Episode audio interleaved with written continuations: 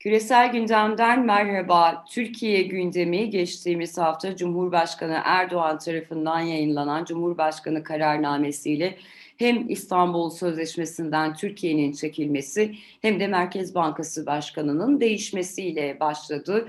Gündem bu açıdan Türkiye açısından da çalkantılı geçti. Aynı gündem uluslararası basında da uluslararası kuruluşlarda da yankı buldu. Aynı dönemde Anthony Blinken ABD Dışişleri Bakanı'yla Türkiye Dışişleri Bakanı Mevlüt Çavuşoğlu bir araya geldiler. Görüşmede NATO'ya dönük Türkiye'nin gerekliliğinin vurgusu yapılsa da aynı zamanda insan haklarına dönük de eleştiriler sıralandı. ABD, ABD'de Türkiye'nin insan hakları politikasını yakından izlediklerini hatırlattılar. AB cephesi özellikle Haziran ayına kadar Türkiye'yi izleyeceğini söyledi. Bu hafta küresel gündemde Profesör Doktor İlhan Uzgel ile birlikte Türkiye'nin son uygulamalarını bunun Brüksel ve Washington açısından anlamını ele almaya çalışacağız. Hocam merhaba, hoş geldiniz. Merhabalar, hoş bulduk. Hocam Türkiye açısından özellikle Cuma gecesi yayınlanan, e, resmi gazetede yayınlanan iki önemli Cumhurbaşkanı kararnamesi vardı. Bir tanesi Türkiye'nin İstanbul Sözleşmesi'nden çekilmesiydi. Bir diğeri de Merkez Bankası Başkanı'nın değişmesiydi. Her ikisi de toplumsal ve ekonomik açıdan önemli mesajlar veriyordu. Özellikle İstanbul Sözleşmesi kadınların aslında kanlarıyla bugüne kadar e, sağlamış oldukları ilerlemedeki noktalardan, adreslerden bir tanesiydi. Buna dönük e, özellikle muhafazakar cepheden eleştiriler geliyordu ancak e, ertelenmişti en azından, gündemden düşmüştü. Nitekim sürpriz bir şekilde Cumhurbaşkanı Erdoğan sözleşmeden çekildiğimizi e, duyurdu. Siz öncelikle bu durumu nasıl değerlendiriyorsunuz ki sonrasında da bunun dış politikada karşılığını ele alalım? E, genel e, çerçeve içine koymamız gerekiyor. Yani Türkiye'de dikkat edersen hani hiçbir şey iyiye gitmedi aslında bakarsan. Yani çok uzun süredir böyle ve her seferinde biz artık hani şaşırmayı e, bıraktık. Ee, yani olabilir. Mesela önümüzdeki dönemde daha e, şey vahim şeyler de olabilir. İşte şeyin HDP'nin kapatma davasına kadar gittik. HDP kapatılabilir. Bir işte bir 10-20 tane daha milletvekili hapse atılabilir vesaire. Şey olarak baktığımızda, e, genel olarak baktığımızda, şimdi Erdoğan yönetimi e, bir, e, bir defa şunu söyleyeyim, hani iç ve dış politika diye bir şey kalmadı artık. Hani o ayrım aşağı yukarı bitti. Yani dış politika, iç politika için iç politika, dış politika için yapılıyor bazen. Ve Erdoğan yönetiminin şimdiye kadar hani bu 19 yıllık iktidar deneyimi sırasında en iyi öğrendiği şeylerden biri elindeki her şeyi bir pazarlık aracına çevirebiliyor olması. Bunu, bunu iyi öğrendiler. Ee, yani uzun iktidar deneyiminin sağladığı şeylerden biri bu. Yani Batı'nın neyi ne kadar tolere ettiğini e, el yordamıyla, hani deneme yanılma yoluyla da öğrendiler. Toplumla ilişkilerinde de böyle. Yani mesela muhalefet neyi ne kadar tolere ediyor. Bunların her birini yani bu İstanbul Sözleşmesi de olsun, kapatma davası da olsun, işte Kavala'nın tutuklanması olsun falan S-400 füzesi olsun, mülteciler olsun, Suriyeli mülteci, hepsinde bunun aslında aynı şemadan hareket ediyor. Yani en olumsuz şeyi nasıl ben e, işe yarar hale getirebilirim? Bunu bir siyaseten bir nasıl ara, enstrümantalize ederim? Bir araç olarak araç haline getirip bunu hani nerede nasıl kullanırım? Yani hatta bazen şey de işte Brunson'da gördük işte al papazı ver papazı. Zihin dünyasını aslında çok net gösteriyordu. Yani nasıl baktığını siyasete ve pür e, yani makyavelist bir siyaseti izliyor. O yüzden de şunu falan e, bırakalım. Böyle hani e, dış politikada işte ihvancı, ihvancı falan değil. Yani son derece e, bu, bu, bu, bunlar şeyi yanıltıyor. E, bizim analizimizi bulandırıyor. AKP hiçbir zaman ihvancı falan değil, İslamcı da değil dış politikada. Şeyi karıştırıyorlar muhtemelen. E, e, Erdoğan'ın ve ekibinin, AKP'nin hani ideolojik olarak yaslandığı hani dünya görüşü e, İslamcı ama siyaseti İslamcı değil. Bu ikisini birbirinden ayrıştırmamız e, gerekiyor.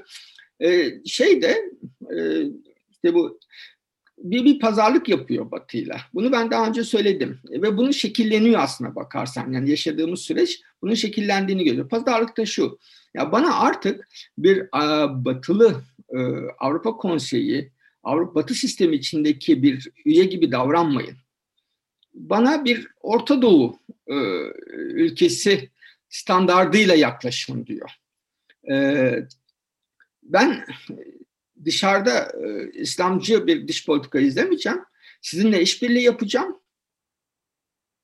İçeride İslamcı olabilirim. Yani dışarıdan İhvancılığı çektikçe ne kadar kaldıysa içeride yani mesela işte şeyi de buradaki Hamas e, üyelerinin işte faaliyetini de kısıtlayabiliyor. Hiç kimsenin ruhu bile duymuyor. Kendi seçmenin de haberi yok. Şimdi söylesen sokağa çıksan ya yayın yapıyorlar. Yayın yaptığını da bilmezler. Hani buradaki işte Müslüman kardeşler var, Müslüman kardeşler üyelerin falan. Hani onların şey yapıldığını, hani, e, engellendiğini de bilmezler. Onun için o çok geniş bir alan e, hareket imkanı tanıyor ve bunu sonuna kadar kullanıyor. O, o da onun için bir araç çünkü.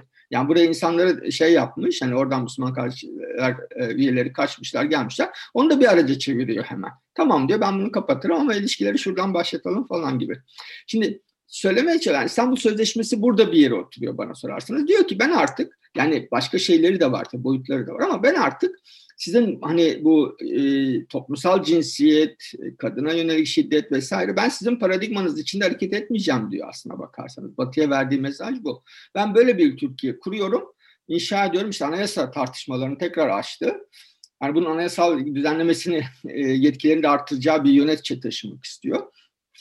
E, içeride de tabii bunun karşılığı var. İşte hani tarikatlara biraz daha fazla e, şey verme, ödün verme. E, kaçan muhafazakar seçmeni, kaçması ihtimali olan muhafazakar seçmeni konsolide etme falan gibi. Ve tabii ki yani otoriterlik inşası yani meclisten geçirmeyip kararnameyle geçiriyor ve tepkiyi görüyor. İşte bir, bir, çok az sayıda kadın yürüdü ve e, gördü ki işte istediğini yapabiliyor aslına bakarsan. Dolayısıyla da yeni bir Türkiye kuruyor ve bunu da diyor ki Batı'ya hani NATO içindeyiz ee, Doğu Akdeniz'den ödün vermeye hazırız. İşte ta, Amerika ile 6. filoyla tatbikat yapıyor Türkiye. Hani hiç umurunda değil şeyin. Ee, Erdoğan'ın da seçmeninin de çok dolayısıyla dış politika değil zaten çok rahat bir şey, hükümet oldu her zaman yani seçmenle ilişkileri açısından. Dolayısıyla da e, bu, bu, bu, bu şeyde genel e, siyaseti yeniden e, belirlerken e, Türkiye'yi insan hakları demokratikleşme konusunda hani batıdan daha uzak ama güvenlik konusunda Batı ile daha fazla işbirliği yapan bir ülke ve iç ve dış politika eksenini oturtmaya çalışıyor. Biz tam bunun ortasında bulunuyoruz şu anda. Evet hocam peki e, bu noktada özellikle e, Biden yönetimiyle Türkiye ilişkilerinin e, durumunu düşünürsek ki hala aramadı Biden Cumhurbaşkanı Erdoğan'ı. E, Mevlüt Çavuşoğlu'yla Anthony Blinken bir araya geldiler. İlk defa yüz yüze görüştüler ancak e, sizin de altını çizdiğiniz gibi aslında beklenen tonda ya da e, son yaşanan durumun vehametine dönük e, gerekli açıklamanın çok altında bir şeyler söylendi. Türkiye'nin NATO üyeliğinin öneminin altı çizildi. Bunu nasıl değerlendireceğiz? Yani tamam Türkiye dediğiniz gibi hem Cumhurbaşkanı Erdoğan hem de bir bütün olarak AKP hükümeti keza ortağı MHP ile beraber bazı şeyleri hiç sorun etmiyorlar. Kadınlar olabilir, hayvanlar olabilir, çocuklar olabilir ve bu seçmeni açısından da bir sorun değil. İhvan'ın yayın yapması ya da yapmaması. Peki bu Brüksel ve Washington'da nasıl yankılanıyor? Yani hep uyarıyorlardı ama görüyoruz ki e, aynı hafta içerisinde Gergerlioğlu'nun vekilliği düşürüldü. HDP'ye kapatılma davası açıldı. Ve daha biz bunu konuşuyorken sizinle geçen hafta bunları ele almıştık hani bu durumu. Cuma günü ise yani Cuma gecesi Türkiye artık bir kararnameler cumhuriyeti gibi hepimiz artık resmi gazeteye giriyoruz gece hani yatmadan önce. İstanbul Sözleşmesi'nden çekildik. Ee, bu bu or orada nasıl yankılanıyor? Onların politikasını nasıl etkileyecek? Doğru yani e, her siyasetin tabii e, bir de karşı dış politikada, dış politikada da var aslında. Dış politikada da bir karşılığı var.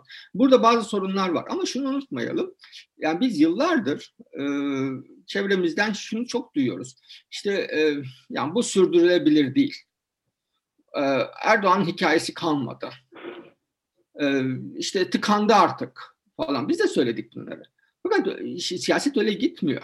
Yani e, Türkiye büyük bir ülke her şeye rağmen bir yarı çevre ülke vesaire evet ama hani bir kapasitesi olan bir ülke yani bu coğrafyada tek sanayi altyapısı olan bir ülke Dolayısıyla da hani NATO'su şey NATO diyor ordusu güçlü. NATO'nun ikinci büyük ordusu coğrafi olarak hani şu an önemi arttı aslında bakarsan dünyanın jeopolitiğe kaymasıyla beraber. Bunların hepsini görüyorlar aslında yani iktidar da görüyor. Dolayısıyla da elindeki her aracı dediğim gibi kullanabiliyor. Dolayısıyla bu bizim kendimizi kandırmamıza ve rahatlatmamıza yol açıyor. Bir defa hani bunu bilelim. Çünkü Erdoğan yönetimi e, her şeyin pazarlığını yapabiliyor. Yani kendi ideolojisinin pazarlığını yapmış bir insan bu. Yani ben milli görüş gömleğini çıkartırım e, gerekirse iktidar için diyebilmiş bir insan. Ondan sonra zaten her şeyi e, pazarlarsınız. Yani kendi dünya görüşünü pazarlayan bir insan yani her şeyi pazarlar. E, aslına bakarsın. Her şeyin ara, araç olarak her şeyi pazarlık konusu yapar. Yani siyasete dair tabii. Dolayısıyla da hani şunu söyleyeyim. Bu, bu, bu Erdoğan'ın kafasındaki proje. Yani Türkiye'yi böyle yönetmek istiyor. Yani bir sisivari bir e, siyasal sistem muhalefet olacak ama hiçbir zaman iktidara gelme şansı olmayacak ve oldurulmayacak bir muhalefet. Yani orada kendi kendine yani sözcü okuyup söylenecekler. İşte hani e, KRT Halk TV Tele1 izleyip gene bunu yaptı, gene bunu yaptı. Kendi tele, akrabalar, aileler sohbet, yemek sohbetinde şikayet edecekler. Kendi içinde böyle dönecek ama hiçbir zaman iktidar perspektifi, projeksiyonu olmayacak bir şey. Şimdi bu bunun tabii şöyle bir karşılığı var. Yani Batı sistemi bunu kabul edecek mi bu modeli? Erdoğan bunu yapmak istiyor ve bunu, bunun işaretlerini veriyor. Bunun pazarlığını yapmak istiyor. Yani güvenlik alanında işbirliği yaparız. S-400'den de kurtulur gerekirse. Onun, onun için de karşılığında bir şey istiyor. S-400'ü gözden çıkardı zaten. Problem şu Avrupa Birliği maalesef buna razı gibi gözüküyor. Şu elimizdeki veriler bunu gösteriyor. Avrupa Birliği böyle devam edebiliyor. Çünkü Sisi ile de idare ediyorlar. Yani Macron'da, Hollanda'da gayet şey yani açık açık konuştular. Yani idare ediyoruz. Sonuçta ülkeyi idare eden biri var. Hani bir daha hiç onunla uğraşmak istemiyor. Türkiye'nin farkı Batı sistemi içinde bir ülke olmasıydı. Avrupa Konseyi'nin bir üyesi olmasıydı. Avrupa Birliği perspektifi olan hani yönü batıya doğru, Avrupa'ya doğru çevrilmiş bir ülkeydi. Dolayısıyla Türkiye'ye farklı bir muamele ediliyordu. Yani bütün dünya diktatörlüğü muamelesi yapılmıyordu. Yani iktidar rejim buna buna buna razı görünüyor. Şimdi Amerika kısmı net değil. Bir, Birinci sorun bu. İkinci sorun e, Rusya kısmı e, belli değil. Yani batıya kayacak, batıyla güvenlik konusunda e, pazarlık yapacak. Fakat Rusya buna nasıl tepki verecek? Bu, bu, bu burası hala şey, e, gri bir alan ve bunu göreceğiz. Yani Rusya'nın tepkisini tolere edebilir mi edemez mi bunu göreceğiz. Şimdiye kadar gayet de iyi idare etti. Benim tahminimden daha iyi idare etti Putin'i. Biden yönetimi küresel bir e, liberal dalga başlatmak istiyor. E, Erdoğan bu yeni paradigmaya uymuyor. Erdoğan yönetim anlayışı ve siyaset anlayışı. Bunu kabul edip etmeyeceğini zaman içinde göreceğiz. Ama Erdoğan'ın kafasındaki şema e, iktidarını güçlendirdiği e, bu böyle hukuki tartışmalar yapılıyor. Bir daha aday olabilir mi olamaz mı bilmem ne falan. Pekala da şey yapar, anayasa değişikliği de yapar bir şekilde iktidar hani bir daha seçilme hatta e, Putin gibi işte Şii gibi hani ömür boyu iktidarda kalma yolunu açacak düzenlemelere de gitmek isteyebilir. Tabii. Dolayısıyla da dolayısıyla da hani bu hukuki bir tartışma değil, siyasi bir güç dengeleriyle ilgili bir tartışma. Hani Batı sistemi buna ne kadar izin verecek? Ee, iktisaden de evet çok kötü ama çok kötü oldukça baskıyı arttırıyor ve gene e, sistemi tutuyor.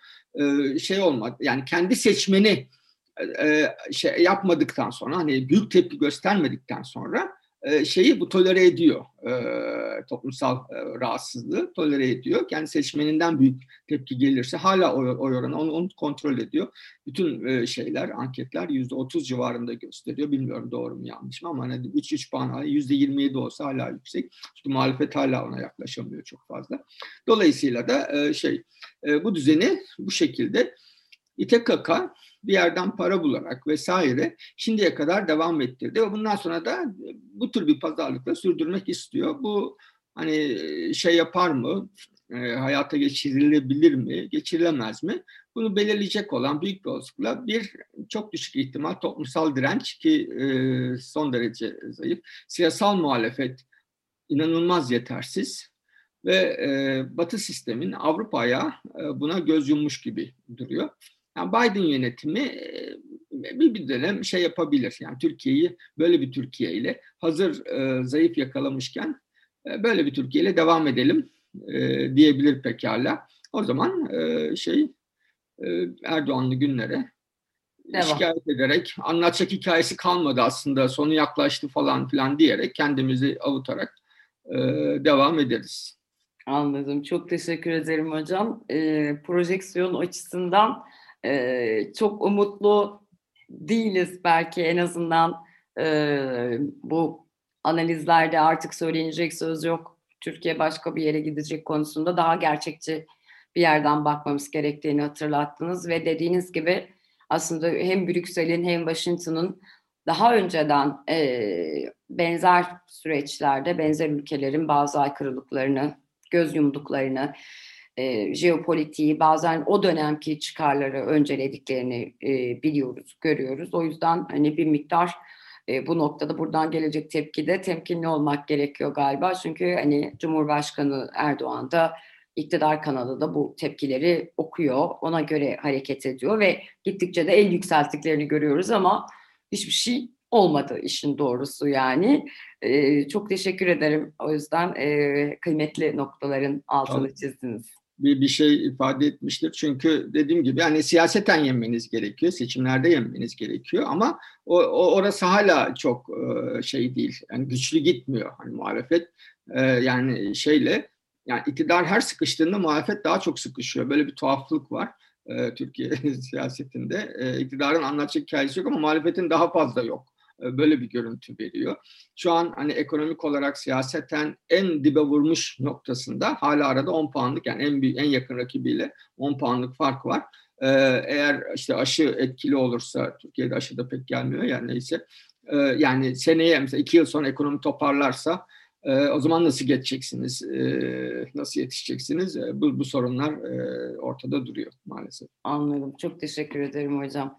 Profesör Doktor İlhan Uzgel birlikte Türkiye'nin son bir haftada yaşamış olduğu sıcak gündemi, bu gündemin aslında yarattığı kırılmaları, Washington ve Brüksel'den bu gündeme dönük açıklamaları, bunun Türkiye'nin geleceğine etkisi, Erdoğan'ın siyaset yürütme biçimi ve geleceğe dair projeksiyonunu ele almaya çalıştık. Bizi izlediğiniz ve dinlediğiniz için çok teşekkür ederiz. Hoşçakalın.